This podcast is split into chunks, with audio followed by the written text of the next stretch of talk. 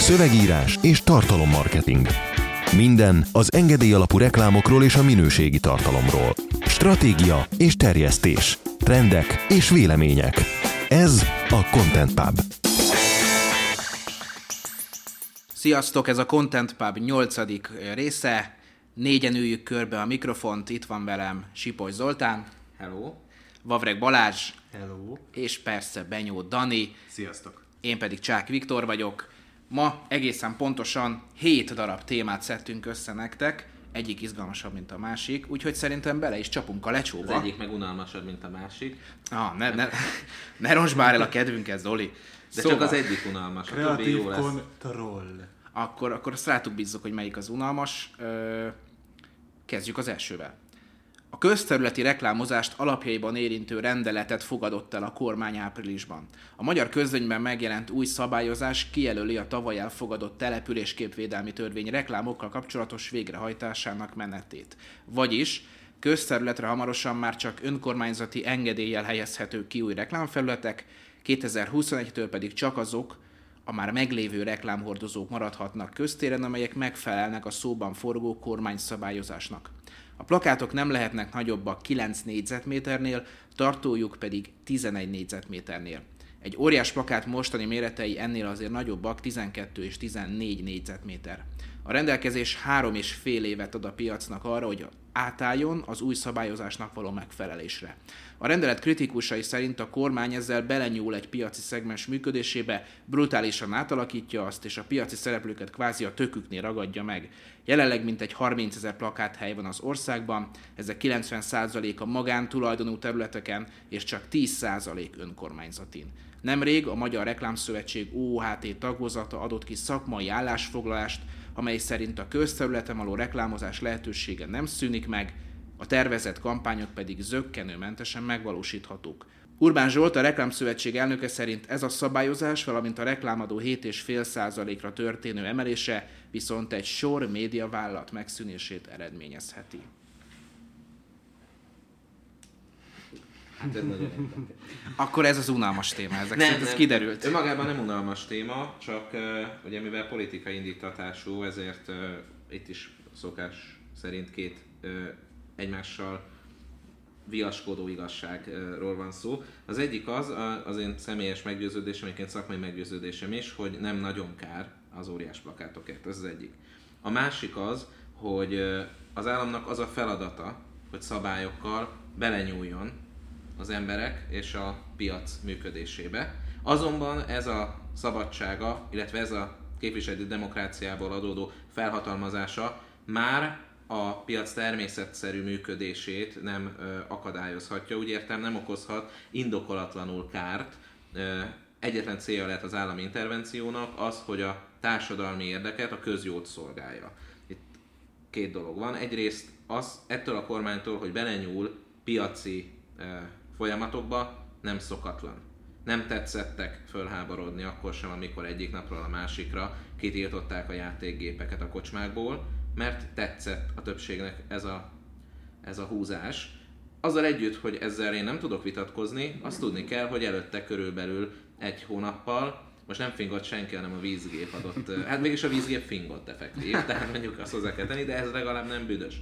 Tehát előtte körülbelül egy hónappal egy másik szabályozással elérték, hogy be kelljen a NAV-hoz kötni ezeket a gépeket. Tehát ott a probléma az intervencióval az volt, hogy előre nem látható, hirtelen volt, és emiatt a piaci szereplők nem tudtak rá kellően fölkészülni. Hasonló a helyzet mondjuk a nemzeti dohányboltok megjelenésével, amely szintén komoly intervenciót jelent, és akkor ezbe a sorba, ha belerakjuk ezt, akkor igazából nem meglepő, hogy, hogy ilyen erős a, a bele szólás egy piaci folyamatba. Itt igazából nekünk szakmailag azt kell vizsgálnunk, hogy ez pozitív vagy negatív hatással lesz. Én ezt előre sajnos nem tudom megmondani, jó sem vagyok, ezért maradtam csöndben a hír után, tehát nem akarok erre mit mondani. Az, hogy kisebbek lesznek mondjuk az óriás plakátok, azzal én együtt tudok élni.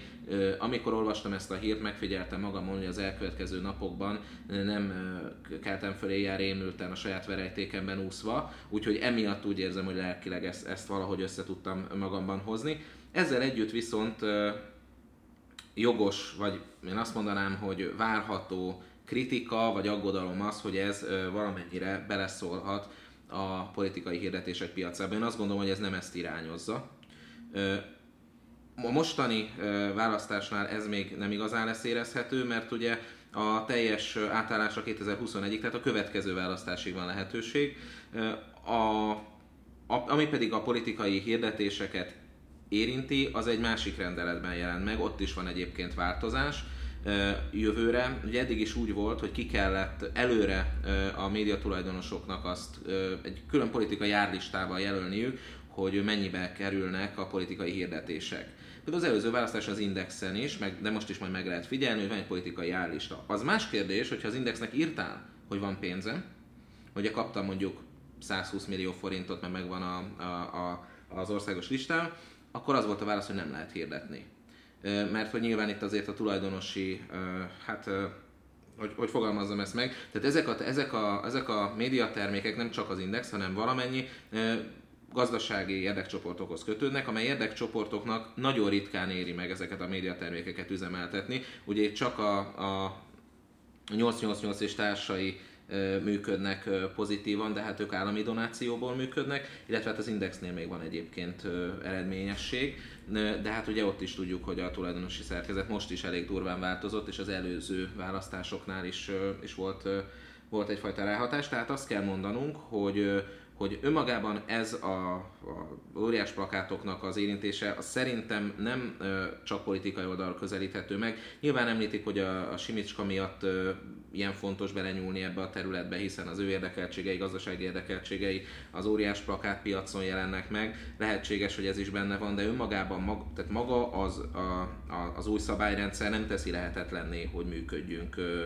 tovább és használjuk óriás plakátokat. Az, hogy a plakáthelyek 90%-a magántulajdonú területeken van, az szerintem nem azt jelenti, hogy ezekbe nem lehetne önkormányzatilag beleszólni, hiszen nagyon nagy része ezeknek a területeknek a közterület felé sőt, hát igazából mind a 90% 100% a közterületek felé látható, hiszen ez az óriás plakátnak a lényege. Ebből következőleg azért ez a városképet alakítja. Értem, hogy magánterület, de hogyha a magánterületén valamit felállítok, ott azért bizonyos szabályoknak meg kell felelni, nem építhetek például akár mekkora házat sem, és ebben sem igazából háborodunk föl, lehet, hogy nem tetszik nekünk, de, de vannak ilyen szabályok. Az, hogy az önkormányzat meghatározza, hogy az ő felügyeletén lévő területeknek hogy kell kinézniük, azt szerintem szintén nem, nem túlzás. A visszatérve pedig egy utolsó gondolat a mostani megváltozott jövő évi választási szabályozásra, itt annyi változott, és ez érint az óriás plakát piacot is, hogy hogy előre fixen meg kell határozni az egyes területek árait, és ettől eltérni nem lehet. Ez Nyilván szintén politikai akarat, hiszen ez azt jelenti, hogy én például, ha mondjuk Simicska vagyok, és szeretnék a Jobbiknak olcsóban adni plakáthelyeket, ezt papíron már nem tehetem meg, hanem csak azon az áron adhatnék, amennyiért bárki másnak is adnék. Ennek egyébként a, a megvalósítása, vagy akár a kikerülése nem egy akkora lehetetlen probléma, tehát ezért ezt ők meg fogják tudni oldani.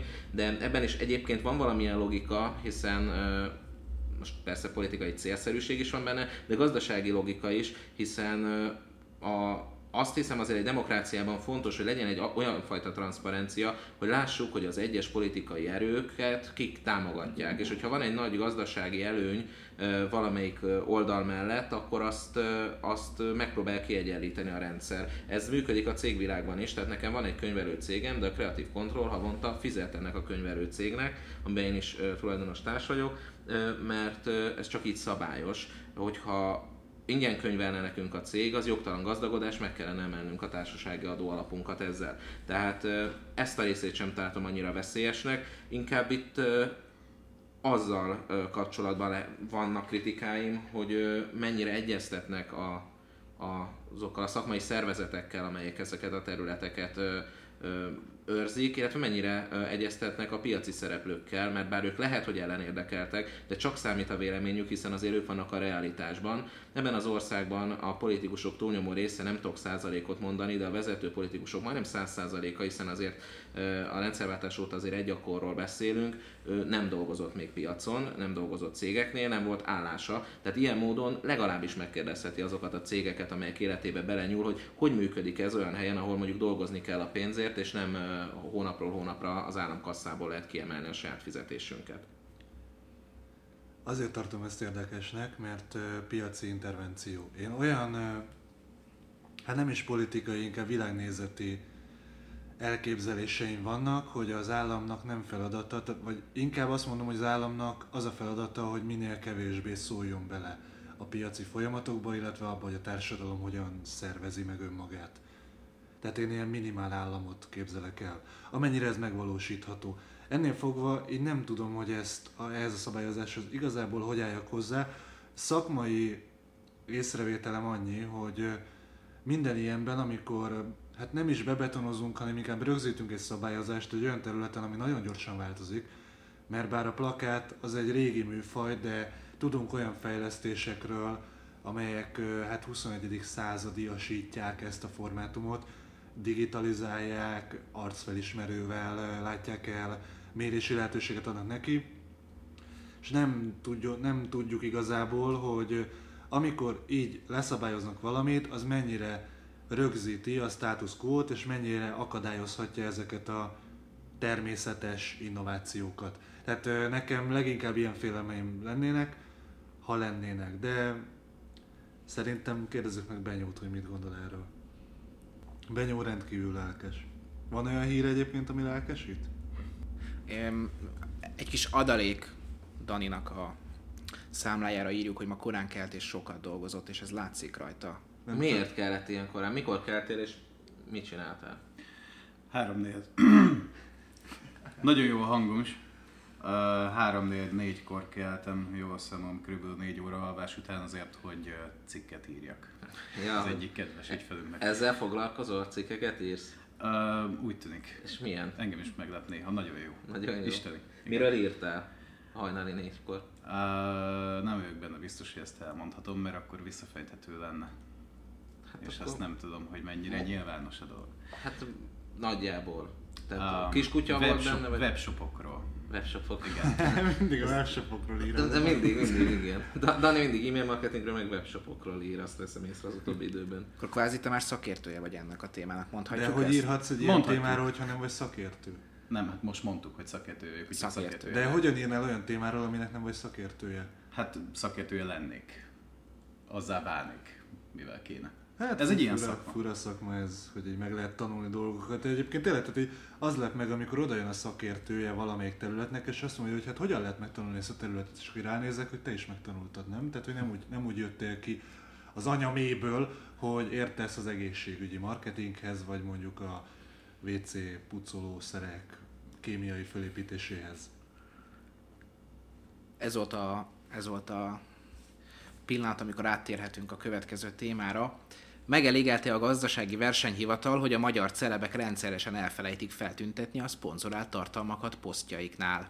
A GVH szerint a Facebookon, a Youtube-on vagy az Instagramon sem lehet bújtatott reklám, vagyis amikor valaki pénzért cserébe jelentett meg posztot reklámozás céljából, már pedig erre szép számmal láthatunk példákat. A GVH állítólag elkezdte a vizsgálódást több tucat híresség közösségi oldalain, és a Blick szerint a hivatal már megkereste Kasszatibit is, a leglájkoltabb magyart. Én rögtön külföldre vinném a dolgot. Volt, nem tudom mennyire hallottok erről, a Firefly, vagy azt hiszem így hívták ezt a Premium Fesztivált, hogy kimegyünk valami Ö, ott Kubánál vannak ilyen szigetek. Végül is tanultam egyetemen ezt, hogy gazdaság, vagy a földrajzi felépítés, ott, ott ezek a szigetek ott, ott, ott vannak. Környékén, tudod? Na, és ott, ott egy, hát a legenda szerint egy mexikói drogbáró által tulajdonolt sziget, de egyébként gyönyörűen néz ki. Ja, ahol leszállt a gép, ugye? A ott száll le a gép, a, és akkor, akkor oda szerveztek egy ilyen fú, de nagyon prémium fesztivált, és 10 ezer dollár az alapbeugró, de elköltött 100 ezer dollárt is. És végül a Ebből az lett, hogy egy ilyen túlélő tábor, és ott Twitteren is végigmentek ilyen képek, hogy hát képzeld el a menzás kaját Magyarországon, na az volt a prémium kaja, meg a, a Vörös Kereszt által ott hagyott, meg ilyen katonai sátrak voltak a, a szálláshelyek, meg a fellépők visszamondták, hogy nem látják biztosítottnak, ami tényleg nem volt biztosított a, a körülményeket, és akkor végül is egy jó kis botrány lett az egészből, és most vizsgálódnak, hogy ott ezt egyébként komoly Instagram influencerekkel is tolták a fesztivált. Emily Ratajkowski-ra kell gondolni, meg Kendall Jennerre, meg Utóbbinak 250 ezer dollár volt egy posztja. jó, jó, jó lehet Tehát- fiatal lánynak lenni nemzetközi piacra. Jóséggel. Instagrammal, igen.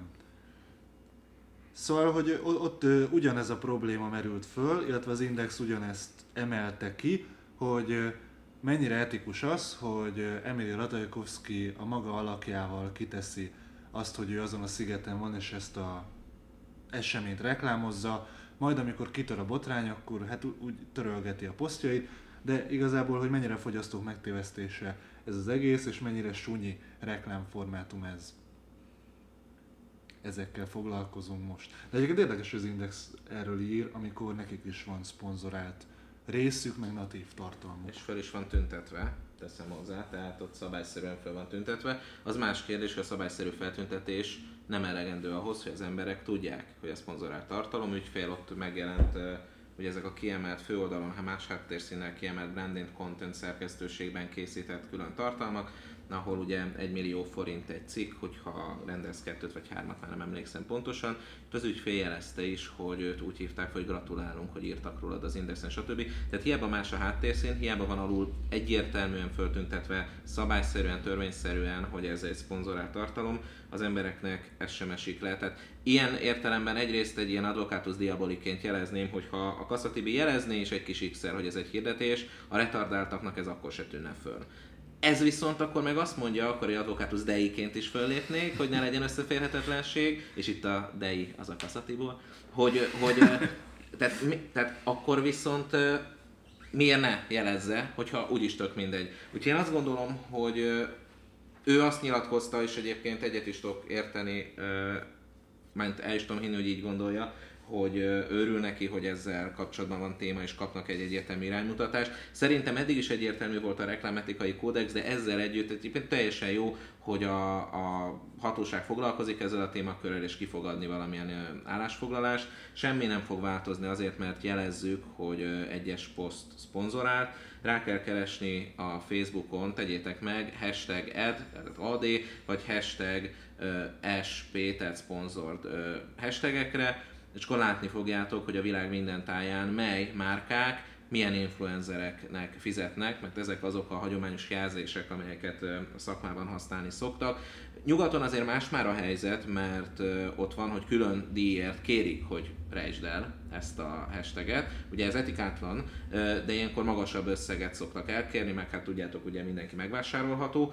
Ott lehetséges, hogy van ennek valamiféle előnye, nem tudom. Itthon egyébként annyira nem hiszem, hogy érdekes. Vagy rákeresel a Chio 25, ö, ők is használtak influencer-szerű embereket, tehát egy Király Viktort, azt hiszem, meg egy, nem, meg tehát Tóth Gabit, na mindegy, szóval nem ők, nem, nem esküszöm meg, hogy ezeket az embereket, három ilyen, hát bizonyára ismert személyiséget használtak. Tényleg hát nem az én érdeklődési körömben vannak benne, ezért nem tudom pontosan megmondani, hogy kiket.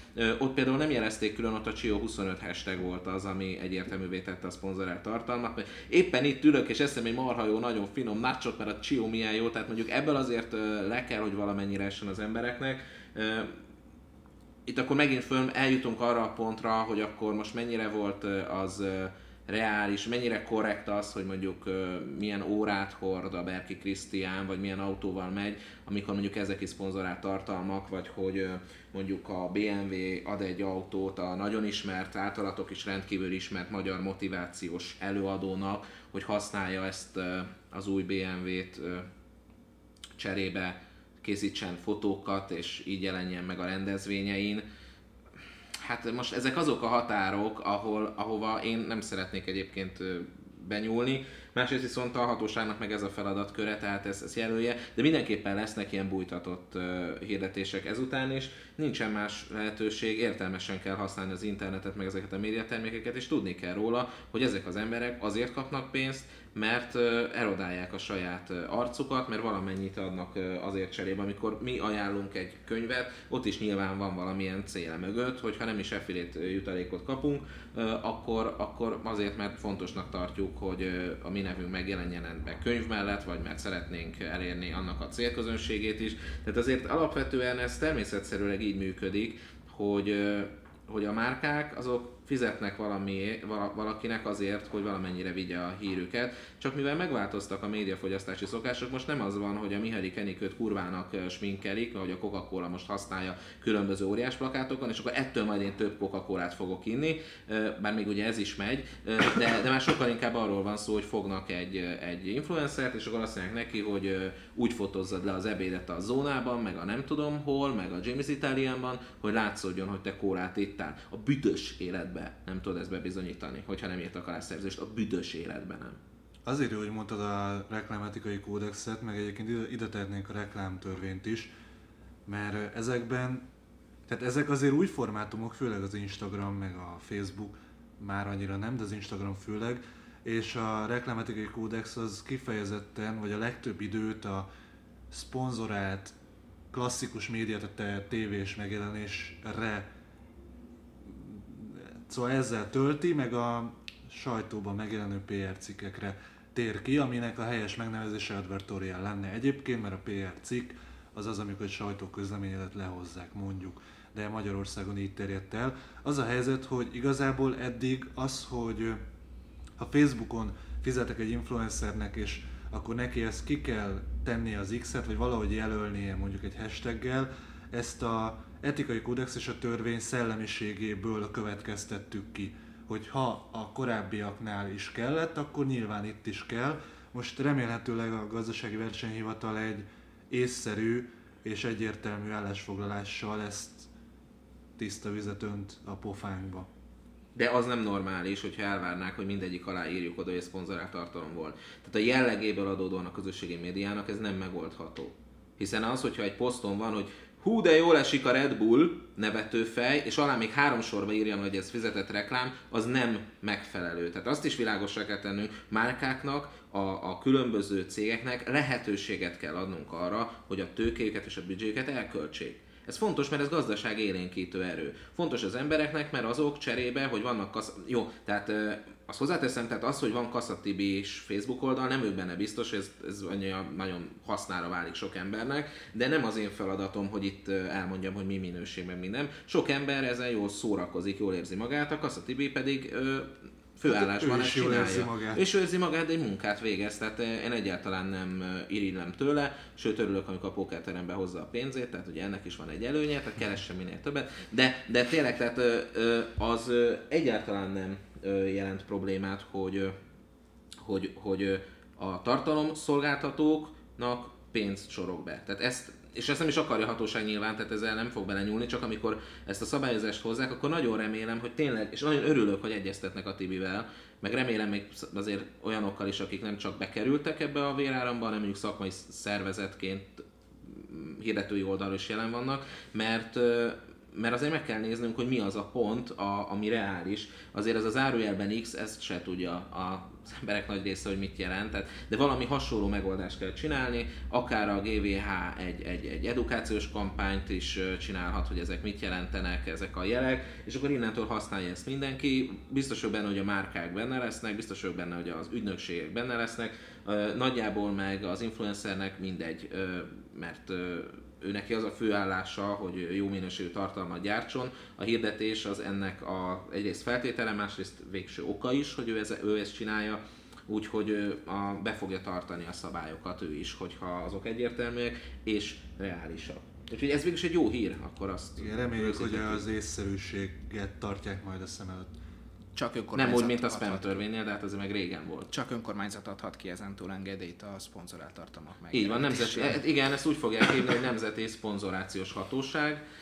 Két-két és fél milliós nettó fizetéssel lesz ott 50-60 közszolga, vagy hogy hívják ezeket, közrapszolga, és akkor ők majd el fogják mondani, hogy milyen hirdetéseket lehet kirakni. Várom ezek, ezek főleg ilyen stadionokkal és vasútársaságokkal kapcsolatos hirdetések lehetnek, azokat lehetett. Például Kassa Tibi, nagyon jót utaztam a felcsúti kisvasúton, nagyon jól érzem magam, és nem félek. Tehát ilyeneket lehetne.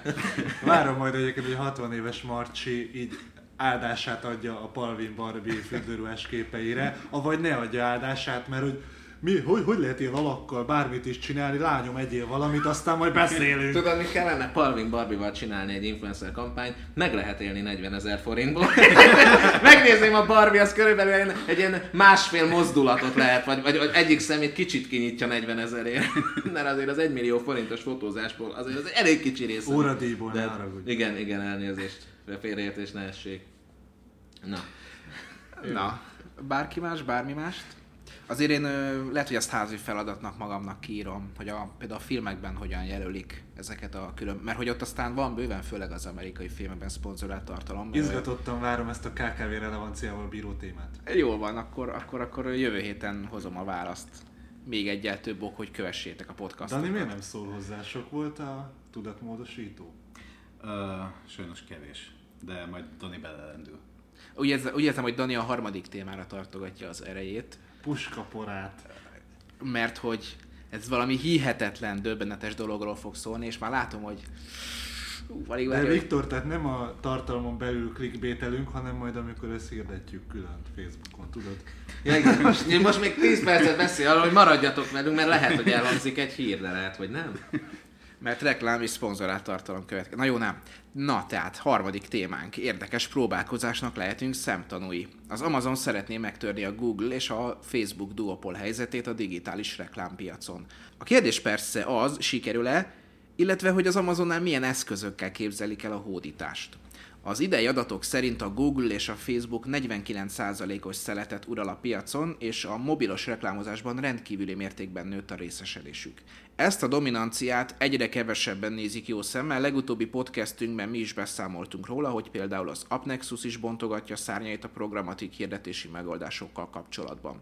Az Amazon jelenleg kis hal, de már most érdemes figyelni rá. Az e-marketer statisztikái szerint 2016-ban a cég 1,4 milliárd dolláros reklámbevétellel rendelkezett, és ez a szám 2019-re elérheti a 2,84 milliárdot. Csak hogy visszagyítsunk, a Google 2016-ban 63,6 milliárd dollárt zsebelt be ugyanebből a szegmensből.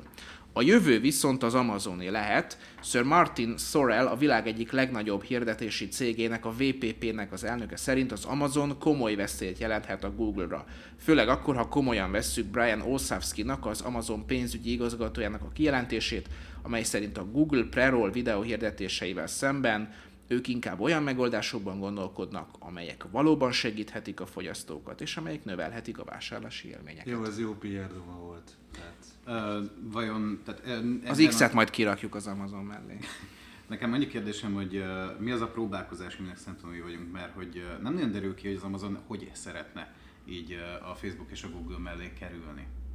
Ez kiderült valahogy? Túl sok konkrétumot nem hoztak, például felhozták azt, hogy a Diageo-val, ami ugyebár egy prémium italmárkákat forgalmazó nemzetközi cég, amúgy Magyarországon van az egyik központjuk, a West End, West End irodaházában. Például velük megegyeztek az Amazon Prime-on egy, egy tévé, vagy nem is tévé, hanem sorozat gyártására, illetve lesz még egy hasonló ö, próbálkozásuk. Ennél több nem nagyon amúgy. én nem tudom elképzelni, hogy az Amazon mit szeretne csinálni. Tehát itt meghallgattunk egy ilyen 10 percig tartó hírt, és most így, hol, tehát képzeld el, egy hirdetőként szeretnék költeni az Amazon valamilyen rendszerén keresztül, de most így akkor weboldalokon fogok tudni költeni, mint a Google Display hálózat esetén, vagy az Amazon ilyen tartalomszolgáltató dolgán keresztül tudok költeni, vagy egyáltalán mi, mert most az tök jó, hogy olyan megoldások, amelyek segíthetik a fogyasztókat és növelhetik a vásárlási élményeket, de ugyanezt egyrészt én, tehát ez reklámszöveg, másrészt meg ebből, tehát most én értem, hogy az Amazon ezt szeretné, de azt nem tudom, hogy miért és hol tudok költeni náluk pénzt. Szerintem a saját felületükre gondolnak, mert ha én jól értelmeztem ezt az egészet, ők szeretnék összekötni mindezt a, a náluk elérhető termékek ö, megvásárlásával. Tehát, hogyha mondjuk te, mint ö, gyártó, forgalmazó az Amazonon keresztül adsz el egy adott terméket, akkor ö, az Amazon szeretné azt, hogyha ezt az ő felületein Ez azért költenéd jó, el. mert bár hatalmas oldal az Amazon, és hatalmas látogatottsággal, de azért ez mégis egy plafont tesz erre az egész növekedésre. Tehát a Google az végül be tud épülni a teljes internetbe, mert a weboldal tulajdonosok maguk jelentkezhetnek abba, hogy ilyen hirdetéseket megjelentetnek az oldalukon. Facebooknál ugyanez a helyzet, 2 milliárd felhasználó, plusz rengeteg weboldalba be van ágyazva a megosztási gomb és tud terjedni. Az Amazon meg csak a saját oldalán tud majd akkor Hát itt hirdetni. az a kérdés, hogy az Amazon oldalát mennyien látogatják pusztán böngészési célral, és hogy az Amazon ezt a, ezt a rengeteg ö, adatmennyiséget, ők föl is hozták a big datát, ugyebár az a céljuk, hogyha megismerik a fogyasztót, aki az ő oldalukon böngész, és tudják, hogy milyen termékek, milyen ö, dolgok iránt érdeklődik, akkor ö, megpróbálnak neki ezentúl célzott reklámokat a saját oldalukon ö, eljuttatni, hogy azzal is még jobban tereljék egy adott termék megvásárlására. Tudják, hogy például én könyvek miatt megyek fel az Amazonra, akkor onnantól kezdve ö, valószínűleg elkezdik reklámozni azokat a műfajokat, amelyek, amelyek alapján ö, elérhető vagyok. Mondjuk krimit szeretek, akkor a krimik, legújabb krimit, a legújabb, nem tudom, Dan Brown könyvet fogják nekem ö, hogyha a misztikus témá iránt érdeklődöm, majd reklámozni. Ha én mondjuk ruházati termékeket vásárolok, akkor akkor azzal fognak bombázni. Amúgy az e-mail marketing terén már most nagyon ügyesek, már én rengeteg Amazonos hírlevelet kapok, főleg az Amazon.dr-ről, ahol már pontosan tudják, hogy milyen ruhákat, milyen cipőket szeretek, és mindig van akció. Tehát e- e- ezzel, ezzel, ezzel már ügyesek, és szerintem valami hasonlót szeretnének elérni a saját weboldalukkal, hogy hogyha tudják, hogy én vagyok az, aki jól föllátogat, be vagyok jelentkezve, akkor onnantól kezdve inkább az ő felületükön költse el a, nem is tudom, a Bugatti, a, a Dan Brown könyveket kiadó cég, vagy, vagy bármelyik másik ö, forgalmazó azt a hirdetési összeget, amit mondjuk a Facebookon szeretett volna, vagy a Google felületein. Így azért már kezd összeállni a dolog, hát az Amazonnak a kereső algoritmusát, meg az, hogy a vásárlási szokásaidból, meg a böngészési szokásaidból kitalálja, meg profiloz téged, hogy téged mi érdekel, hát azt gyakorlatilag évről évre, mint jó példát hall, hallgatjuk meg, a különböző magyar konferenciákon is. Nem tudom, hogy ez miért hír egyébként, de azt el kell ismerni, hogy ez egy jó cucc. Hogyha erre ráépül ez a hirdetési rendszer, akkor el tudom képzelni, hogy ez jó lehet, mert lényegében a következő logikus lépés. Abból a szempontból ez most már így látni vélem, hogy miért segítheti a fogyasztót, hogyha az Amazonra fölmész, akkor minimum vásárlást megelőző fázisba vagy, tehát valamit vásárolni akarsz és böngészel, vagy már célzottan vásárolni akarsz valamit. Míg a Facebookra mész, vagy a Google-ben keresgetsz valamire, akkor ott azért nagyon nagy a szórás, tehát van, amikor csak rákeressel egy témára és információt akarsz. Na most arra megjelenik a hirdetés, akkor az annak azért olyan hirdetésnek kell lenni, ami információt ad neked, és majd onnan becsatornázod a sales funneledbe. Tehát el tudom képzelni, hogy ez akkor tényleg olyan felületen ad hirdetési lehetőséget, ahol az emberek költeni akarnak pénzt, nem pedig olyan helyen, ahol éppen tartózkodnak. Illetve ö, most már a Magyarországon is elérhető az Amazonnak a VOD szolgáltatása, a Netflix-el, hogy próbálnak konkurálni. Netflixen chill. Ö, Itt az a kérdés, hogy azt a, azt, a, azt a felületet hogyan fogják felhasználni. Ahogyan előbb mondtam, a, ugyebár a Diageos együttműködés keretén belül, vagy bármilyen más szponzorált tartalom megjelenítésével. Ez, ez még a jövő zenéje. Azért annak még azért jobban el kell terjednie. Én nagyon kíváncsi vagyok Benyó véleményére. Hú, már jelentkezik. Igen, no. Én nagyon örülök neki, hogy az Amazon is lesz. Annyira jó. Úgy érzem egyébként, mint amikor iskolába fociztunk, és valahogy a focizni nem akaró embert is valahogy berángattuk, hogy azért játszon. És Meg legyen az ötödik tudod, ember. Én, mi, mi ez a szarjáték? Mit kell itt csinálni, labda? Jaj! Igen, de neki nem passzoltunk. Daninak most meg passzol. Nem, de amikor odagurult a labda, akkor arrébb ugrott azért. Na jó. Veszélyes az éjjel-nappal Budapest. Derül ki az NMHH közvéleménykutatásra épülő elemzéséből. A megkérdezettek 83%-a szerint a műsorban ábrázolt életstílus nem szolgálhat mintául a fiataloknak. 90%-uk szerint a bemutatott párkapcsolatokban nagyon sok a konfliktus és a probléma, a nézők 59%-a szerint pedig túl sok a szexualitás. Az is kiderült, hogy a műsort inkább nők nézik, a közönség 60%-a nő, illetve olyan emberek, akik alapfokú iskolai végzettséggel bírnak. Az ő közönség arányuk 73%-os. 67%-a nő, innen tudjuk, hogy potenciális nézője a Viktor ennek a műsornak. Az az érdekes, tehát, hogy egy marketingesként, így, marketingesként így ülök, és ez az hazudj még nekem, bébi, tehát hazudjál, tehát tök jó. Az a jó, hogy van mindenkinek a fejében él egy ilyen kép, hogy hogyan illene viselkedni, mit illene nézni, operába illene járni, meg színházba, de amikor kimész így a valóságba, és így meghozod azt a döntést, hogy te most operába mész vagy bekapcsolod az éjjel-nappal Budapestet, akkor valahogy az éjjel-nappal Budapest mellett döntesz, már az, akinek van előfizetése. Örülök, hogy ennél több választási lehetőség van.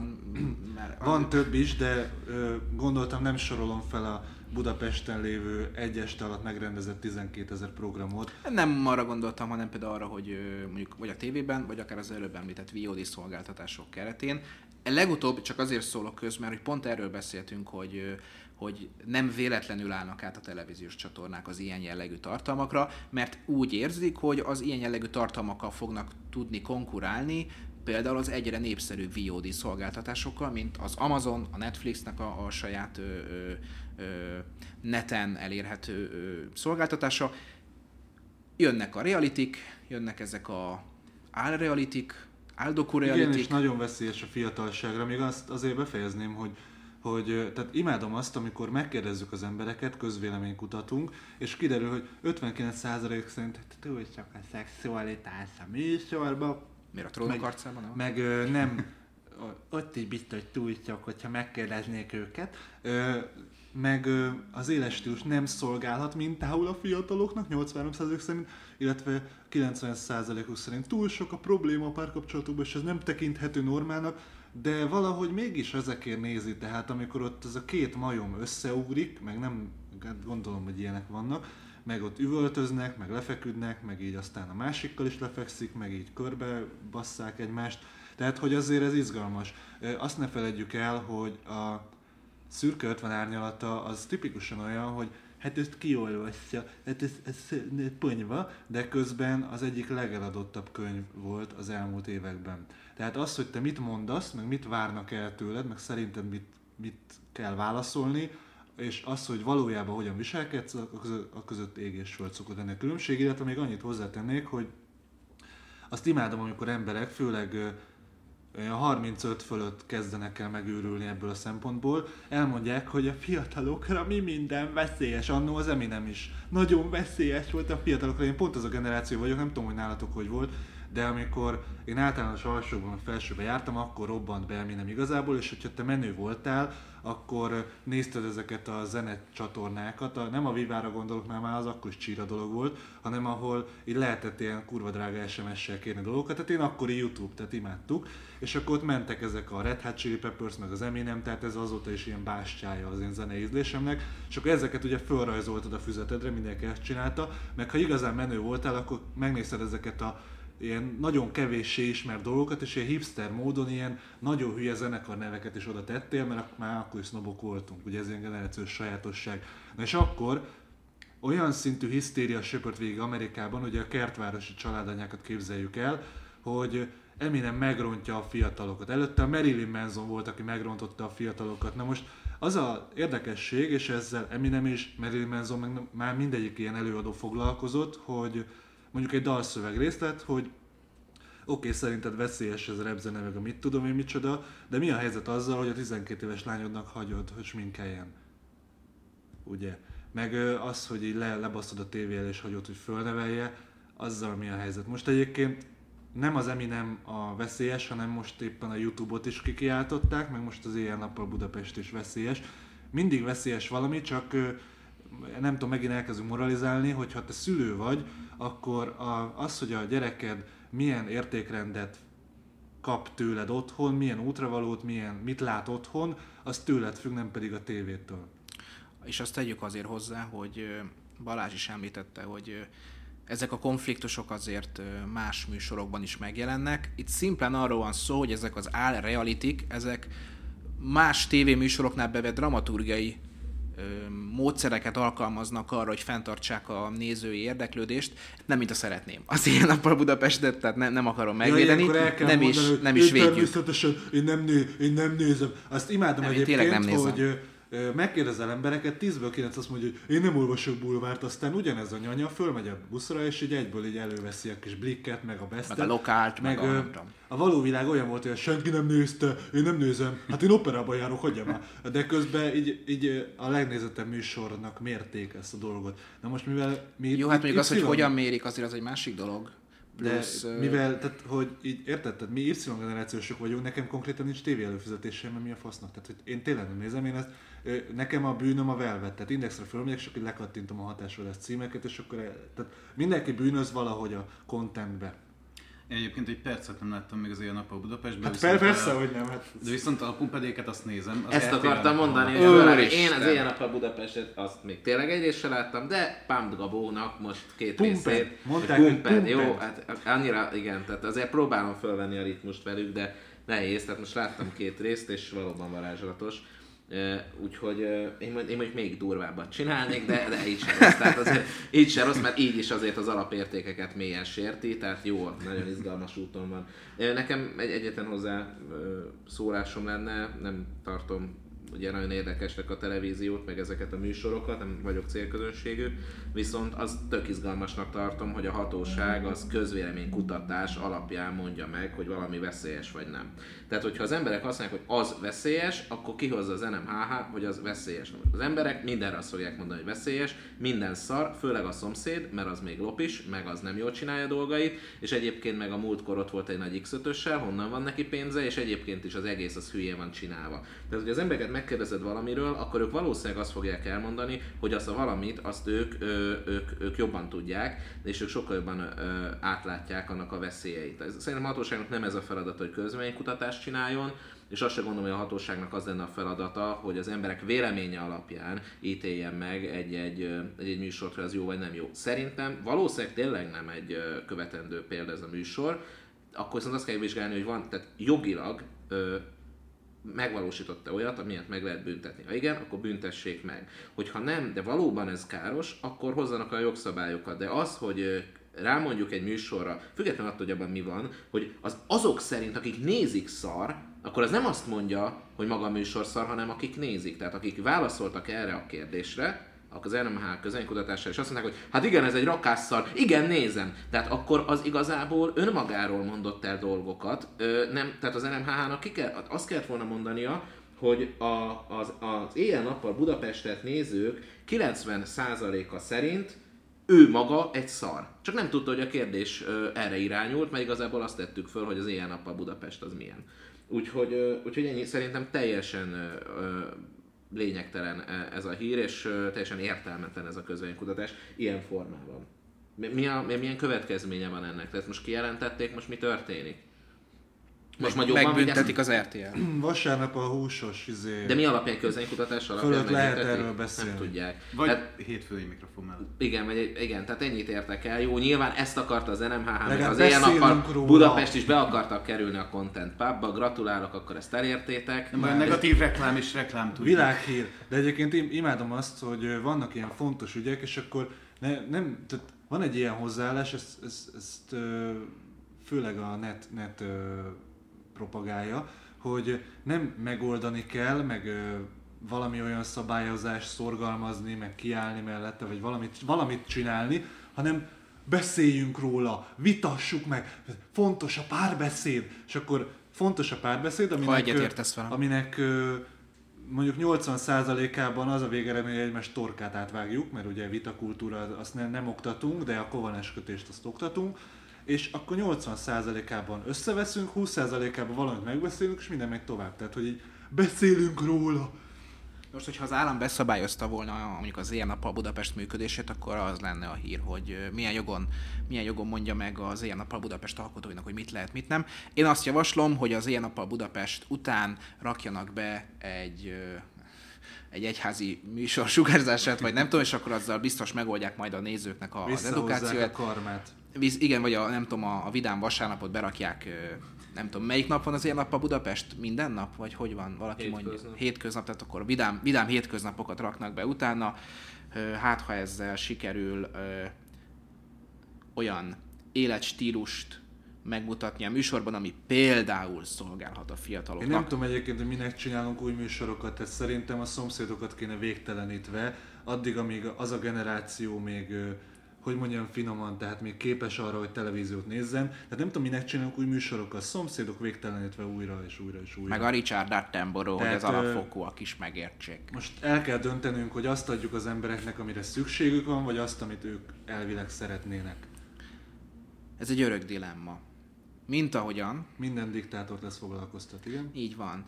Az ötödik téma, az legalább ilyen érdekes lesz. Tibi atya megnyerte a magyar Facebookot. A Magyar Tartalom Szolgáltatók Egyesülete és a Lizr közös felmérésben nézte meg, hogy mit lájkol a magyar. Az interakciók száma alapján a legnépszerűbb Facebook oldal Tibi atyái, őt követi Kassa Tibi, yeah, és a Minden Egyben blog. Lecsúszott a dobogóról a Trollfoci, a Nemzeti Sport Online és az Ami Magyar az csak jó, vesző nélkül. Érdekes magyar sajátosság, hogy az idősebb és nyugdíjas korú réteg nálunk kiemelkedően aktív, míg az angol száz lájkvadász világot uralja a BuzzFeed, a 9gag, a Board Panda és hasonló fiatalokat virális tartalommal célzó oldalak, addig Magyarországon mindent elönteni látszik a Kádár nosztalgiát kiszolgáló tartalom. Én ezen gondolkoztam, hogy ez miért lehet, és bár nem vagyok társadalomtudós, mert szeretek jól keresni, de, vagy szociológus. De, Ú, de durva de, ja, ö, a, tehát sz- szerintem az lehet, hogy egy nagyon-nagyon sok szempontból sérült ország vagyunk, ez egyik ok, Ö, ugye elég a 40 év szocializmus áldásos hatásaira gondolni. A másik ok pedig az lehet, hogy míg a német nyugdíjas elmegy a Bahamákra, illetve Európát körbeutazza, tehát náluk ez a, ez a tehát aktív nyugdíjas évek, meg élményszerzés, addig Magyarországon, de té- tényleg ezt sajnálattal mondom, meg, meg mint áldatlan állapot, addig ül szerencsétlen nyugdíjas otthon, a panelban, és annyi szórakozása van, hogy televíziót néz, lemegy a boltba, összeveszik a szomszéddal, és facebookozik. Ami szerintem egy ember alatti állapot, tehát ez, ez nem, nem jó, hogy így van, de nagyrészt így van. És akkor emiatt meg lájkolgat olyanokat, hogy a 70-es években minden mennyire jó volt, ami egyébként nem arról szól, hogy a 70-es években minden milyen jó volt, mert nem volt jó, meg nem volt jobb, hanem egyszerűen akkor volt fiatal, és érzelmileg ahhoz, ahhoz a korhoz kötődik. Egyébként a cikkben kiemelik azt is, hogy az, aki a minden egyben blogot és a hasonló oldalakat megszerzi és politikai célokra használja, az a, mondjuk az Indexes elmondta, hogy megnyerheti a 2018-as választást, ez minimum túlzás, de Ú, legalábbis befolyásolhatja.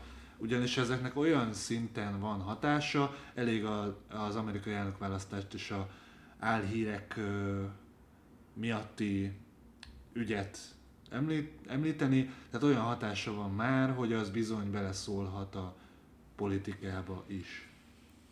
Egyébként meg beszédes az, hogy a Tibi atya nyerte meg. Én azon csodálkozom. Egyébként ez nem a leglájkoltabb oldalakat tükrözi, mert azt hiszem Sobert Norbinak több van. Nem, nem Neki tudom, millió fölötti. vala, valakinek több van, hanem a legtöbb interakciót elérő oldalak, tehát igazából olyan két millió nagyivónk van, és olyan 800 ezer alkoholistánk, tehát én azon csodálkozom, hogy Tibi, hogyha nem lájkoltabb. Meg utána Kassa Tibi, aki kimaxolta a lájkodás tartalmakat, és a minden egyben blog, ami egy métej. De legalább jól tudnak ö, hatásodás címeket írni. Tehát a troll foci meg kibukott, mert már nem vagy, nem olyan sikeres a magyar foci sajnos. Mint Én mondjuk pont nyáron szombaton volt. vesztem össze egy legénybúcsús csapattal, az összeveszés alatt azt kell elképzelni, hogy hát finom, finom részegséggel közelítettek minket a Bud- Margit híd budai hétfőjénél, és megkérdezték, hogy MB1-et nézed, Fradi? Én megmondom, hogy nem nézek ilyeneket, és akkor elkezdődött az, hogy mi természetesen homoszexuálisok voltunk szerintük, én meg mondtam, hogy menjél tovább és idd a szarodat, és ennek a végeredménye az lett, hogy üvöltöztünk ott. Nem mondanám, hogy mit, mert, mert nem akarom még ennél is jobban a renomémat lerombolni, de igen, tehát Nagyon, És akkor- Ez nagyon érdekes történet volt. Mi a tanulság? Az, hogy nagy, Nem nagy sportnemzet vagyunk, NB1-el és stadionokkal, tehát a negyedik a troll foci, az ötödik a Nemzeti Sport Online. Jó, egyébként itt csak egy észrevételem van. A, az, hogy itthon mennyire mennek a nyugdíjas anyagok, a új érdekeltségünkbe tartozó Direct Online-ban ilyen jellegű Facebook oldalakat gyűjtünk össze, tehát nagy közönségformáló erővel rendelkező oldalakat. Itt a, ez azt jelenti, hogy már a évvégi portfólióval a cél napi 1 millió egyedi magyar látogató elérése. Már most is viszonylag közel vagyunk ehhez, nincs meg még az út fele, de, de jobban haladunk, mint ahogy vártuk. Ez azt jelenti, hogy gyakorlatilag bármilyen témakörre igen sok ezer embert el tudunk irányítani. Ez nyilván jó a cégeknek is, meg, meg, meg nagy véleményformáló erővel bír, hogy bizonyos területeken már mondjuk egy index megjelenésnél nagyobb elérést tudunk biztosítani Facebook oldalakon keresztül. Mindegy, ami érdekes ezzel kapcsolatban, hogy nálunk van a legnagyobb nyugdíjasokat gyűjtő közönség is a, a magyar Facebookon, és egy nagyon hálás közönségről van szó. Speciálisan kell hozzájuk szólni, de például a hirdetéseket úgy kattintják le, mintha kötelező volna. Tehát ott, ott, ott aztán össze-vissza megy minden ö, kattintás, és ö, sokkal nagyobb RPM-et lehet elérni, tehát ez ellátogatónkénti bevétel, mint mondjuk egy fiatal ö, esetében. Tehát, hogyha egy oldal a, látó, a hirdetésekből akar megélni, akkor egyébként a nyugdíjas az nem egy olyan rossz korosztály, meglepő módon. Egyébként a legveszélyeztetettebb korcsoportnak tartják a nyugdíjasokat Például a szívinfarktusok tekintetében. is, meg az internet tekintetében is. Ebben a hírben is benne volt, hogy volt, van egy ilyen nagyon népszerű, hát nem, nem tudom, hogy orvos-e, vagy csak az a neve, meg a webáruháza, ahol, hogy mondjam finoman, alternatív gyógy módszerek és gyógyászati segédeszközök és különféle szerek kaphatók. Na most képzeld el, hogy nem tudom milyen spirituális rezgéssel ellátott vizeket ö, osztasz meg ilyen közönségnek, aki lekattintja azt, és a kis köszvényes lábára azt megveszi, úgy, hogy igazából körülbelül, hogyha lófasszal kenegetnéd a térded, az többet érne, mint a, ez a víz. Szóval, hogy ez itt lesznek még furcsa csuda dolgok. Oké. Okay. Én benyóvál hozzászólással várok. Szerintem addig nem menjünk tovább. Nem, mester, ilyen megakasztod. Ennek a menetét folyton azzal, hogy azt várod, hogy én mondok valamit. Hát valamit most már, most már illene. Néha egy háttérköhöz? Te például uh, BuzzFeed, 9gag, Board Panda, vagy Kassa Tibi, atya és minden az egyben blogfogyasztó, vagy e? Én a külföldieket, Kassa Tibi oldalát még szerintem soha nem láttam, talán És éjjel-nappal Budapesten hogy mi az. sem. Uh, nem, de a pámpedéket, vagy pumpedéket, vagy nem tudom, hogy Azt mondják, nézed, azt igen. nézem, tehát ez, ez, semmi gond nincs, nem azért nem, lát, azért nem láttam ilyen nappal Budapestet, mert a tévébe megy, és valószínűleg nem érte az inger küszöbömet, hogy nem akkora szemét, mint a pámpedék. Mert arra Hát meg kíváncsi csak heti egy, nem? Uh, meg azt hiszem, igen, hogy az csak heti egy. Uh, Annyi szemét belefér, mint Nem. amikor vasárnap elmész megkézni, igen? Um, körülbelül egyébként, vagy havonta egyszer. Vagy de- kokainozol. Igen, szegény Dadiból annyira kikényszerítettük a választ, és most nem hagyjuk, hogy végigmondja. Én már nem tudom tulajdonképpen, valamit akartam mondani most már, de most már nem tudom, hogy mit. És ezzel a témával kapcsolatban? Azt hiszem. Ajjaj. Igen, Ajjajjaj. Vagy bevallani akarsz, akkor azt is mondhatod most. Nekünk Tehát bármi. Nem- Gyere- nem gyere ki a closetból, Nem majd műsorral kapcsolatban kell, akármi, ha úgy érzed, hogy van valami. Ha gondolod, akkor Zoli meggyóntat. Igen. É, mennyiért? Van ilyen A- szolgáltatásunk? A, a, a, azt hiszem most ö, 50 ezer forintért lehet jönni marketing konzultációra. Ide hozzátok? Hát képzeld el. Azt a mindenit. Hát ez... Nagyon megéri. És ez hány óra? Ez kettő. Hmm. Tehát ez nagyon jó, két szakember két órán keresztül, ez egy különleges ajánlat. Zárójelben egy X. Hatodik téma, szerintem Én térjünk azt át. számolom, hogy a rossz lányok tarifái fölött vagy alatt vagyunk-e. Attól függ, Hát mert melyik? mondjuk segbe nem engedjük, ha pedig így, így számolunk, akkor szerintem hasonló, nem tudom. Várjál, hogy van? Figyelj, kettő óra elosztva, tehát várjál? Hát most 25 ezer per óra, mondjuk ez egy full service, mert eljön, és akkor amit mond, azt arról beszélünk nagyjából, azokat a Elosztva témaköröket. 12.005. Igen, én, Ugye? az, én azt gondolom, hogy ez egy SOS francia árában. Nagy, nagyjából próbálunk okos dolgokat mondani. Holott, holott a barátnő élmény megvan gyakorlatilag. De várj, ez az SOS francia, tehát ez, imádom ezt a nevet, tehát ez így ülsz otthon, Én nem a és nevet. Így, így, így vészhelyzetként rátör a kanosság, és így fölhívod valamelyiket, hogy figyelj, SOS francia. De hogy Hát a munka után, de még nagy bevásárlás előtt. Ezt egyébként nem tudom, szerintem ott, ott valószínűleg az olcsóbb lehet, tehát szerintem ott az lehet a, a vonzó része. Én azért nem tudom, mert én csak egyszer voltam életemben kurvánál, akkor ezt most így ki is vágja és kiteszi mindenki majd, tehát ez így szokott működni, hogy utána majd két év múlva valamelyik választáson, amikor ugye kedves vezetőnek lehet engem választani, akkor majd ezt fog harsogni, de befejezném ezt a kurva mondatot. Tehát én csak egyszer voltam kurvánál, amikor annó a hírportált szerkesztettük, és akartunk egy anyagot prostikról, és érdekes módon ugye nem nyilatkozta, szóval olyan zárkózott világ volt, azt nem tudtam, és akkor én úgy döntöttem, hogy bejelentkezem egyhez, elmegyek, és akkor kifizetek egy órát, és akkor majd elmondja a dolgokat. Most letettem neki a pénzt, előálltam a farbával, ami jelen esetben nem lehetett, amúgy tehát egy jó jelentős méretű farba volt, mert azt mondtam, hogy, hogy hát igazából valójában én újságíró vagyok, és akkor szeretnék izért, és majdnem nagyon megvert. Itt csak kicsit vert, és nem, tehát nem csak verte, hanem elverte az Olit, mert, mert fo- fogta, fogott valamilyen, nem is tudom, val- egy ilyen konyha volt, ö, tehát hogy belépsz konyha balra, és akkor jobbra volt a háló, meg egy ilyen nagy szoba, meg valami kis kutya, és, és fölkapott a konyhából valami, és nem emlékszem, hogy keményet, és akkor menj innen a kurva anyád, nem tudom, és kivert a lakásból. Se pénz, se, ö, se anyag, az anyagot se hagytam ott, tehát hogy igazából minden szempontból ez egy, ez egy igen vereséges helyzet, és először bementem a szerkesztőségbe így szomorúan. Így bementem, és akkor így ültek benn, nem tudom, pár, és gondoltam, hogy ja, most voltam kurvánál.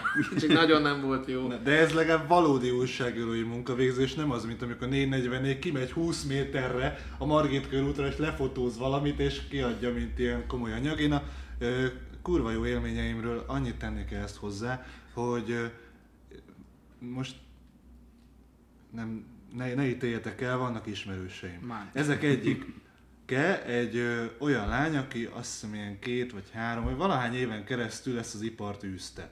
És valahogy így, így nem tudom, valamelyik ilyen este során, így akkor így elbeszélgettem el, de, de ilyen szórakozó helyen érted. És a vége az lett, hogy ő sírt, és nagyon megbánta. Ezt, ezt így Jaj, hozzá jaj, akartam tenni, hogy Jól van. De ez A- a- egyetem. a- akkor nincs baj. Egyetemre kell. Akkor, ha megbánta, akkor rendben. svájci takarítás, persze. Jól van, akkor... Na így- mindegy, de egyébként azt nem tudom, tudjátok-e, hogy egy olyan havi másfél-két milliót össze lehet ebből szedni, főleg, hogyha egy extrákat kérnek a kedves ügyfelek. Vagy sok mindenből össze lehet sok pénzt szedni, ugye?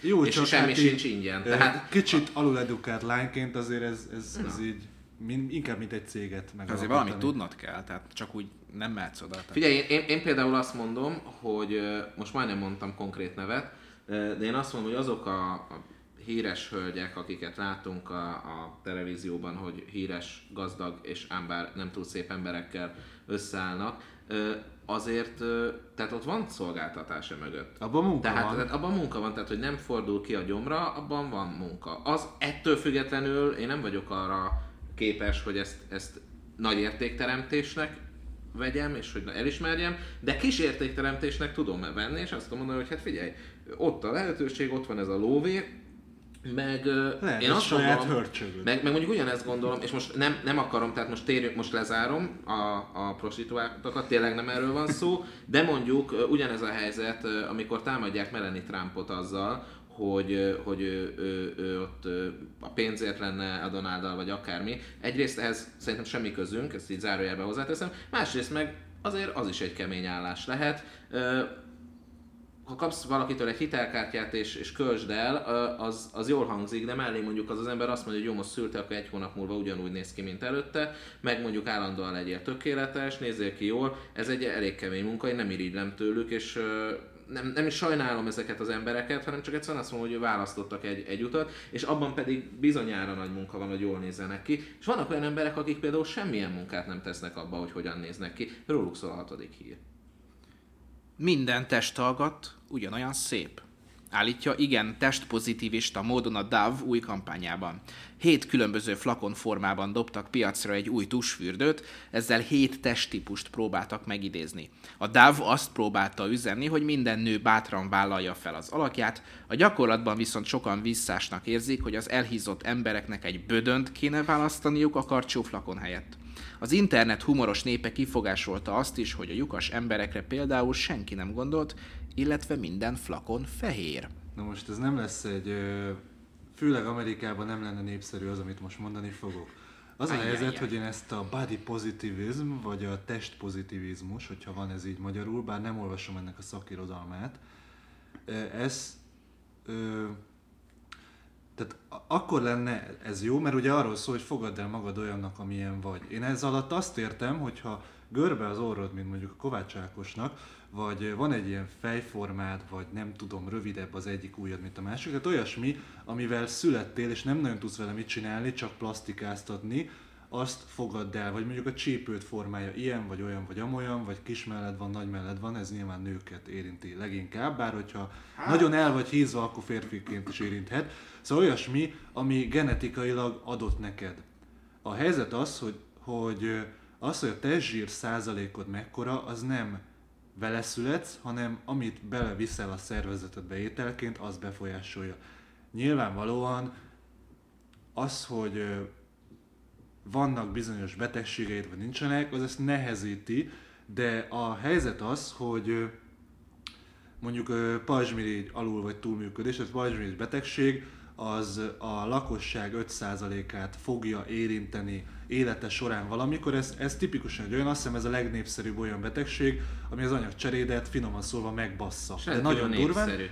A legnépszerűbb, ugye. Ö- sokan szeretik, kívánják.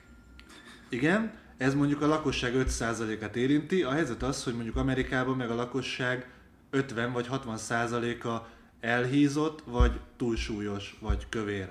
Tehát, hogy nem mindig a betegsége védekezünk. Az a helyzet egyébként, hogy olyan nincs, hogy egészséges elhízás, vagy egészséges túlsúly, és az, ami azt üzeni, hogy te fogadd el magad mondjuk kövéren, azt én ugyanolyan potenciális gyilkosságnak látom, mint hogyha én mondjuk reklámozóként azt mondanám, hogy nyugodtan szívjál el napi egy doboz cigarettát. Tehát az, az a helyzet, hogy a elhízás az éveket vesz el az életedből. Mert vagy cukorbetegséged lesz, vagy szívinfarktus, valamilyen módon. Tehát annyiféleképpen teszi tönkre az egészséget, hogy tényleg éveket vesz az életedből, és az, amikor eh, ezt így arra, tehát nem, nem, nem arra megyünk rá, hogy éljél egészségesen, sportoljál, legyél rendesen, hanem fogadd el magad egy elhízott disznóként, azt én nagyon-nagyon veszélyes üzenetnek tartom. Sőt, én, ö, én azt sem szeretem, hogyha ennyire behatárolják az embert, mert ez azt jelenti, hogy bármivel rendelkezel, legyen ez tudás, képesség, testalkat, bármi, jó úgy, ahogy vagy, nem kell fejlődnöd, nem kell ezért semmit tenned,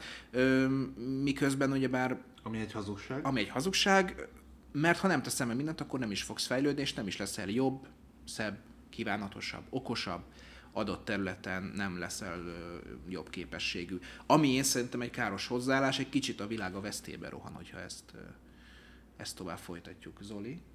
Ez egy reklámkampány, tehát ez mögött nem értékrend áll. Az, hogy minden testalkat ugyanolyan szép, az egy, az egy premissza, az egy, az egy állítás, emellett argumentum érvelés nincsen, tehát vizsgálni nem tudom. Egy dolgot tudok mondani, hogy szeretném azokat az embereket megvédeni, illetve hát, a kampánykészítőink fölhívni a figyelmét, akik komoly munkát tesznek abba, hogy akár hetente többször elmennek edzeni, figyelnek az étkezésükre, lemondanak bizonyos dolgokról, hogy úgy nézzenek ki, hogyan ők szeretnének. Azokat az embereket is tiszteljük meg, és ö, ismerjük el azt a munkát, amit ők az egészségükbe és a testükbe tesznek, és nem mondjuk azt, hogy ez ugyanolyan értékű, aki tesz érte, aki úgy étkezik, úgy sportol, időt és energiát szán arra, hogy ő egészségesebb legyen, nem mondjuk azt, hogy ez ugyanannyit ér, mint azért, aki meg semmit nem tesz ezekért a dolgokért. Érdekes, hogy azt mondod, hogy ez a reklámkampány, mert ö, igazából igen, ez egy reklámkampány, de ez egy ilyen, ö, hát nem is világméretű, hanem inkább a nyugati civilizációban jelenlévő komoly izmus, vagy ilyen ö, vélemény, vagy nem, nem is tudom, jelenség, mozgalomra épül rá, ez a body pozitivizm, vagy testpozitivizmus, ami meg pont tehát ugyanezeket mondja. Mint Hát de miért? Mert a DAV vásárlóinak nagy része túlnyomó többsége nő, és a nők túlnyomó többsége nem úgy néz ki, ahogyan a hamis ö, televíziós meg modellképek adják, ami egyébként szerintem marha jó, mert ö, nekem nem igazán tetszenek a modellalkatú lányok, tehát én ennek örülök. De tény az, hogy a nők majdnem, nem tudok számot, vannak erre pszichológiai kutatások, tényleg nem tudom, de több mint 90% elégedetlen a testével, ez egy rohadt jó célközönség, a DAV meg ebbe beleállt. Tehát én azért ezt mondom, én ebben nem látok ö, olyan nagy ö, CSR-t, vagy tehát ez egy, ez egy jól kommunikálható valami, ennyi. Én, nekem ezzel nincsen problémám. E- Ezt a ráfeszülést mondjuk talán kicsit soknak tartom, tehát én nem szeretnék egy olyan célközönségben lenni, hogy én vagyok a hordó testű anyuka, ezért a DAV nekem ad egy ilyen reklámkampányt, és ezért azonosok. Én nem szeretnék, tehát én nem tudom, hogy, hogy akarnak-e a nők azzal azonosulni, hogy te vagy az a átlagos vagy és normális. Mert szerintem ezzel a reklámkampány nélkül is azonosulnia kellene. Tehát neki, ha pozitív megerősítés kell ahhoz, hogy szeresd magadat, azt remélem nem egy márkától fogod megkapni, hanem önmagától, amilyen vagy, olyannak kell, hogy elfogad magad, amint tudsz változtatni azon, ha akarsz, akkor te tudsz változtatni. Ezek tényszerűek. Én- Az, az hogy kívülről kell megerősítés egy márka részéről, azt szerintem nem teljesen egészséges, de de ha meg kapok is megerősítést, én azt azért nem tartom ilyen erősnek, mert ez a márka ez azért ezt kommunikálja, mert ez az értékrendje le van kutatva, és ez, ez jól működik, mert, mert mekkora sztárok, hogy, hogy kövér nőket is szerepeltetnek a hirdetésébe. Szerepeltessenek, hát engem különösebben nem izgat, az viszont, hogy minden testalkat ugyanolyan szép, az egy tényszerű hazugság, matematikai bizonyosság az, hogy az 1 meg 2 az 3, és az 1 meg 2 az nem 5, és nem 9. Tehát ilyen módon az is matematikai bizonyosság, hogy a kört az nem alma, a telefon pedig nem WC papír. Lehet úgy használni, meg lehet arról beszélni, de a valóság az az, hogy az emberek egymástól lényegileg járulékaikban különböznek, értékükben azonosak, de a test alka, tested és a test alkatod az nem te vagy. Tehát az nem a te ö, ö, lényeged. A emberi leglényeged az nem az a romlandó váz, amiben benne vagy, az járulékaiban különbözik. Van, akinek a bőre feketébb, van, akinek nagy melle van, van, akinek lóg, van, akinek ö, narancsbőrös a, a, a segge. Tehát ezek, ezek nem ugyanolyanok. Az, hogy mindegyik szép lett a maga módján, az szerintem tényszerű, tehát mi férfiként azt látjuk, hogy hogy, hogy amikor mondjuk mosolyog egy nő, az, az minket milyen, milyen hatást gyakorol ránk, függetlenül attól, hogy milyen csöcse van. Tehát az, az nekünk mennyire egy pozitív dolog. Ennek ellenére épp egy feministától olvastam a, a most hétvégén, hogy milyen felháborító és szexista és himsoviniszta dolog, hogy amikor egy nőnek azt mondja egy férfi, hogy miért nem mosolyogsz. És erről értekeztek, hogy milyen felháborító, hogy mi férfiak rájuk akarjuk kényszeríteni azt, hogy ők mosolyogjanak. Hát nem akarom átkényszeríteni, lehet savanyú az meg a sarokba, rohadtul nem érdekel, takarodjál szépen be a sarokba, azt ott savanyoskodjál. Kurvára nem zavar. De az, amikor mondjuk együtt vagytok egy szórakozóhelyen, vagy valahol vagytok, és így azt mondod neki, hogy te olyan, olyan jól áll, amikor mosolyogsz, akkor tényleg érzem, hogy mint férfi bennem ott van elindul, hogy rám mosolyog egy nő boldog a jelenlétemben, és akkor én, én férfinak érzem magam, ő meg nő, és bocsánat, hogy ez a kettő, ez így együtt, ez nekem még bejön, és, és ez, ez, nem, ez, én nem hiszem, hogy ez negatívum. És azt gondolom, hogy a nagy elfogadás meg a toleranciának ezek a, ezek a, az, az istenítése az eljutat oda, hogy tényleg már egymással kezdünk harcolni, mert én már nem merem az ajtót kinyitni a nőnek, már arról beszélnek, hogy akkor most belefér az, hogy most meghívod őt randira, vagy, vagy nem hívod meg, vagy ott, ott te fizetsz, vagy nem fizetsz. Akkor most már olvastam hétvégén, hogy már nem kérhetem azt, hogy mondjuk mosolyogjon, nem kötelezni akarom, csak mondjuk tényleg azt mondom neki, hogy milyen szép vagy, ha mosolyogsz. Az volt ebben a, a cím, hogy ez body shaming, mert ha én azt mondom, hogy ő szép, ha mosolyog, azzal arra utalok, hogy ő nem szép, ha nem mosolyog. Hát a kurva anyádat! Ennek a kornak a dementorai az ilyen toleranciát hirdető, vagy hát igazából áltoleranciát hirdető, áltoleráns lények. Ez a lényeg. Öm, Arra van a Brexit. Balázs, szerinted le- lesz cikk pozitivizmus, hogy egy 2000 karakteres szarul megírt cikk ugyanolyan szép és élvezetes, mint a Dani 4000 szavas szakmai anyagai? Amennyiben lesz, úgy ugyanannyiba fog kerülni mindegyik ilyen hasonló cikk, aminek a végeredménye az lesz, Minden cikk szép.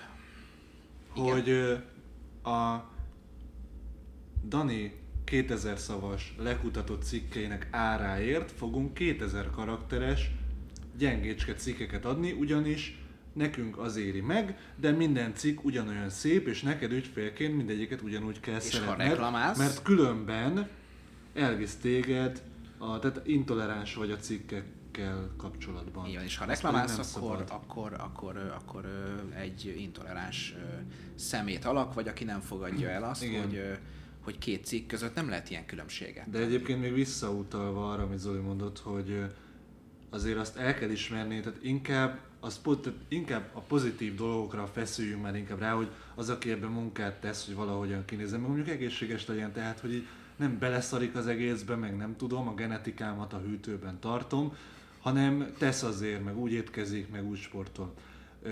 Amerikában létező jelenség, hogy nem vékony, meg nem anorexiás, hanem teljesen átlagos testzsír százalékkal és testtömegindexel és jól kinéző nőket bizonyos isták, bizonyos izmusok követői gyakorlatilag olyan szinten elküldenek a picsába, a komment szekcióba, meg így e-mailekbe, meg Facebookon, meg Instán, hogy azt te el nem tudod képzelni. Tehát képzeljük el azt, hogy mennyire undorítóan beteg, torz világban élünk, hogy ilyen tényleg mindenbe beleszaró, rosszul étkező, elhízó, önmagáért semmit meg nem tevő, a kisujját meg nem mozdító emberek leszólják, sőt, gyakorlatilag megszégyenítik azokat az embereket, akik ebbe igen sok munkát tesznek, mert mondjuk nem akarnak 60 évesen szívinfarktusba meghalni, meg nekik fontos az, hogy milyen alakjuk van.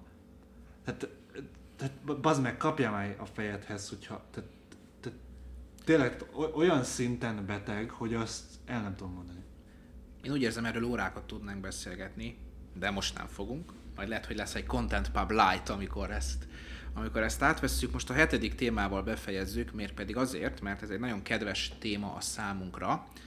300 fős teltházzal rendezte meg a Creative Control az első keresztény vállalkozói konferenciát, és én azt gondolom, hogy erről Zoli nagyon-nagyon érdekes dolgokat fog nekünk megosztani, úgyhogy maradjatok velünk!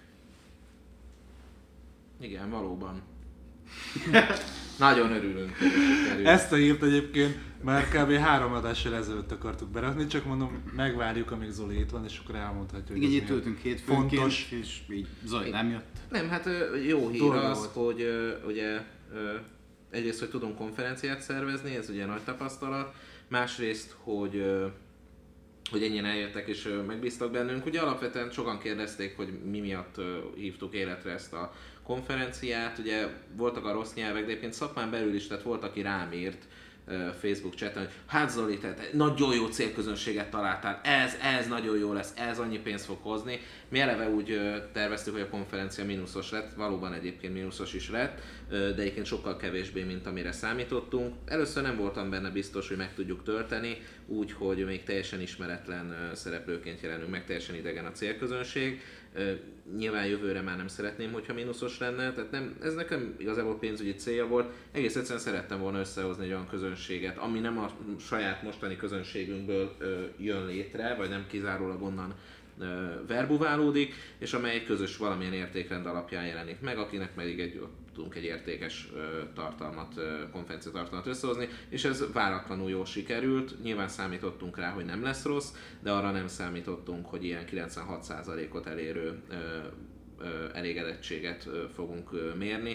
Tehát ennyien jelezték, hogy biztosan jönnek jövőre, ez kiemelkedően nagy arány. Más módszertanokkal is mértük egy kihelyezett szavazógéppel is, ott is az átlagot jóval meghaladó, mondjuk egy 10-20 pontot elér egy átlagos nem rossz rendezvény, nálunk egy mínusz 100 és 100 skála között 75 környékén volt az elégedettség. Szóval az a lényeg, hogy összességében a visszajelzés az volt, hogy jó, jók voltak az előadók, úgyhogy Úgyhogy alapvetően az, aki nem, tehát rossz konferenciát szervezni, azt gondolom most már ilyen, ilyen tapasztalat után, az, az felelősség, az nem azon múlik, hogy nem jöttek össze a dolgok, hanem az, az hiba, ugyanis nem annyira nehéz jó konferenciát szervezni, mint amit gondoltam. Eszmetlen munka volt, Bence, Bence főleg nálunk az érdem, de maga a, az egész lényegét adó gerinc, a téma és az előadók, az, az azért rajtad múlik, hogy megtaláld azt a témát, van-e valamilyen mondani valód. Tehát csinálsz egy 1001. ö, cégvezetői konferenciát, az nem kreatív. Hogyha abban nincsen semmilyen tartalom, vagy, vagy valamilyen fókusz, akkor az szét fog esni, és nem lesz lényeges.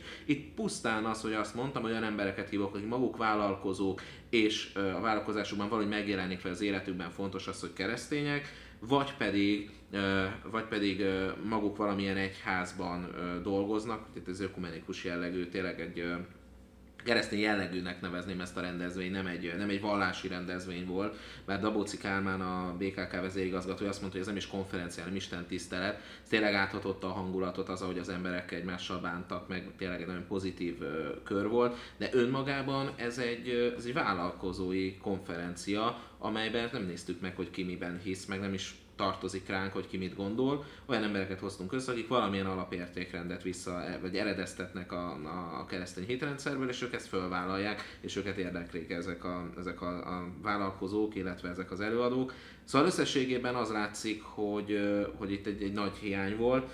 Amit ebből szerintem el lehet sajátítani, az az, hogy minden területen vannak olyan hiátusok, amikre az ember nem gondolna.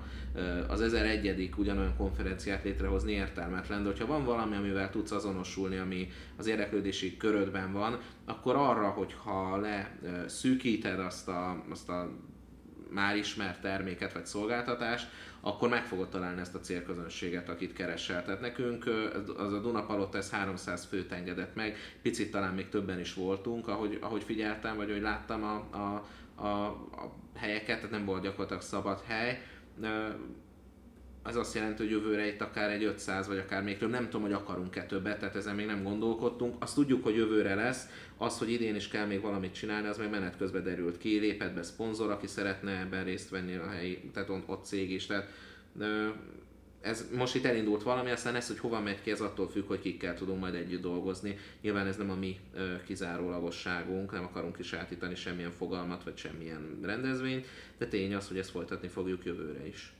Nem nagyon tudom, nem tudom, hogy ennek volt egy értelme, amit összefoglaltam, de... Ja, mindenképp, tehát az, hogy így belökted ezt, meg ö, csináltunk valamit, ami eddig nem volt. Igen. Engem az, az lepett meg, hogy hát számítottunk arra, hogy támadni fogják, de arra nem, hogy néhány keresztény is támadni fogja, mert az volt a kifogás, ami marketing szempontból értelmezhetetlen, hogy, hogy most akkor ez ilyen kizáró dolog, hogy aki nem keresztény, de vállalkozó, az ne jöjjön, vagy aki keresztény, de nem vállalkozó, az ne jöjjön, és akkor erre azt mondtuk, hogy egyrészt nem ránk tartozik, hogy ki miben hisz, másrészt meg, hogy ha mondjuk te nem vagy Red Hot Chili Peppers rajongó, de meg akarod nézni valamiért a koncertet, akkor megteheted, tehát nem fognak kidobni onnan. Meg, meg úgy egyébként is, tehát ö, mindig, hát jó mondjuk számítasz arra, hogy nem mindig tehát nem tudsz olyat csinálni, ami, ami mindenkinek tetszik, de ö, meglepő volt ez a néhány komment, de egyébként ez tényleg ilyen elenyésző volt, és ö, nagyon sok pozitív visszajelzést kaptunk, ami meg azt mutatja, hogy megéri ilyeneket csinálni. Benyó milyen volt ott lenni? Nem, nem, nem tudom. Nem, uh, jó volt ott lenni egyébként, egy kicsit elfoglaltak voltunk, de nem nagyon tudtam az előadásokat kielvezni, uh, pedig volt jó néhány érdekes, legalábbis abban a pár percben, amit láttam, úgy tűnt. Uh, főleg én rohangáltam, meg egy emberekkel foglalkoztam, meg az előadókat igyekeztem kiszolni, de a hangulat az nagyon jó volt egyébként, tehát uh, a pesgőbb volt, aktívabb volt, mint máshol lenni szokott, és ezt úgy mondom, hogy én nem vettem részt a szervezésbe, tehát nekem ez nem érdemem, én ott csak lótottam. Hogy mondják ez? Lótottam, futottam. Lótottam, futottam, nagyon hangzik. De úgy abszolút tényleg olyan, olyan pozitív hangulat volt az egésznek, és tök örülök, hogy ezt így megcsináltuk. Ezt akartam elmondani. Hát enélkül nem lett volna teljes a mai podcast, úgyhogy Szerintem zárjuk is rövidre. Én megköszönöm a vendégeknek, hogy itt voltak. Zolinak. Sziasztok. Balázsnak. Igen. Daninak. Nem. Nem köszönjük meg Daninak. De. Megköszönöm magamnak is, hogy moderátor lehettem. Úgyhogy legyetek jók, találkozunk jövő héten, és köszönjük, hogy minket választottatok. Sziasztok! Szövegírás és tartalommarketing. Minden az engedély alapú reklámokról és a minőségi tartalomról. Stratégia és terjesztés. Trendek és vélemények. Ez volt a Content Pub.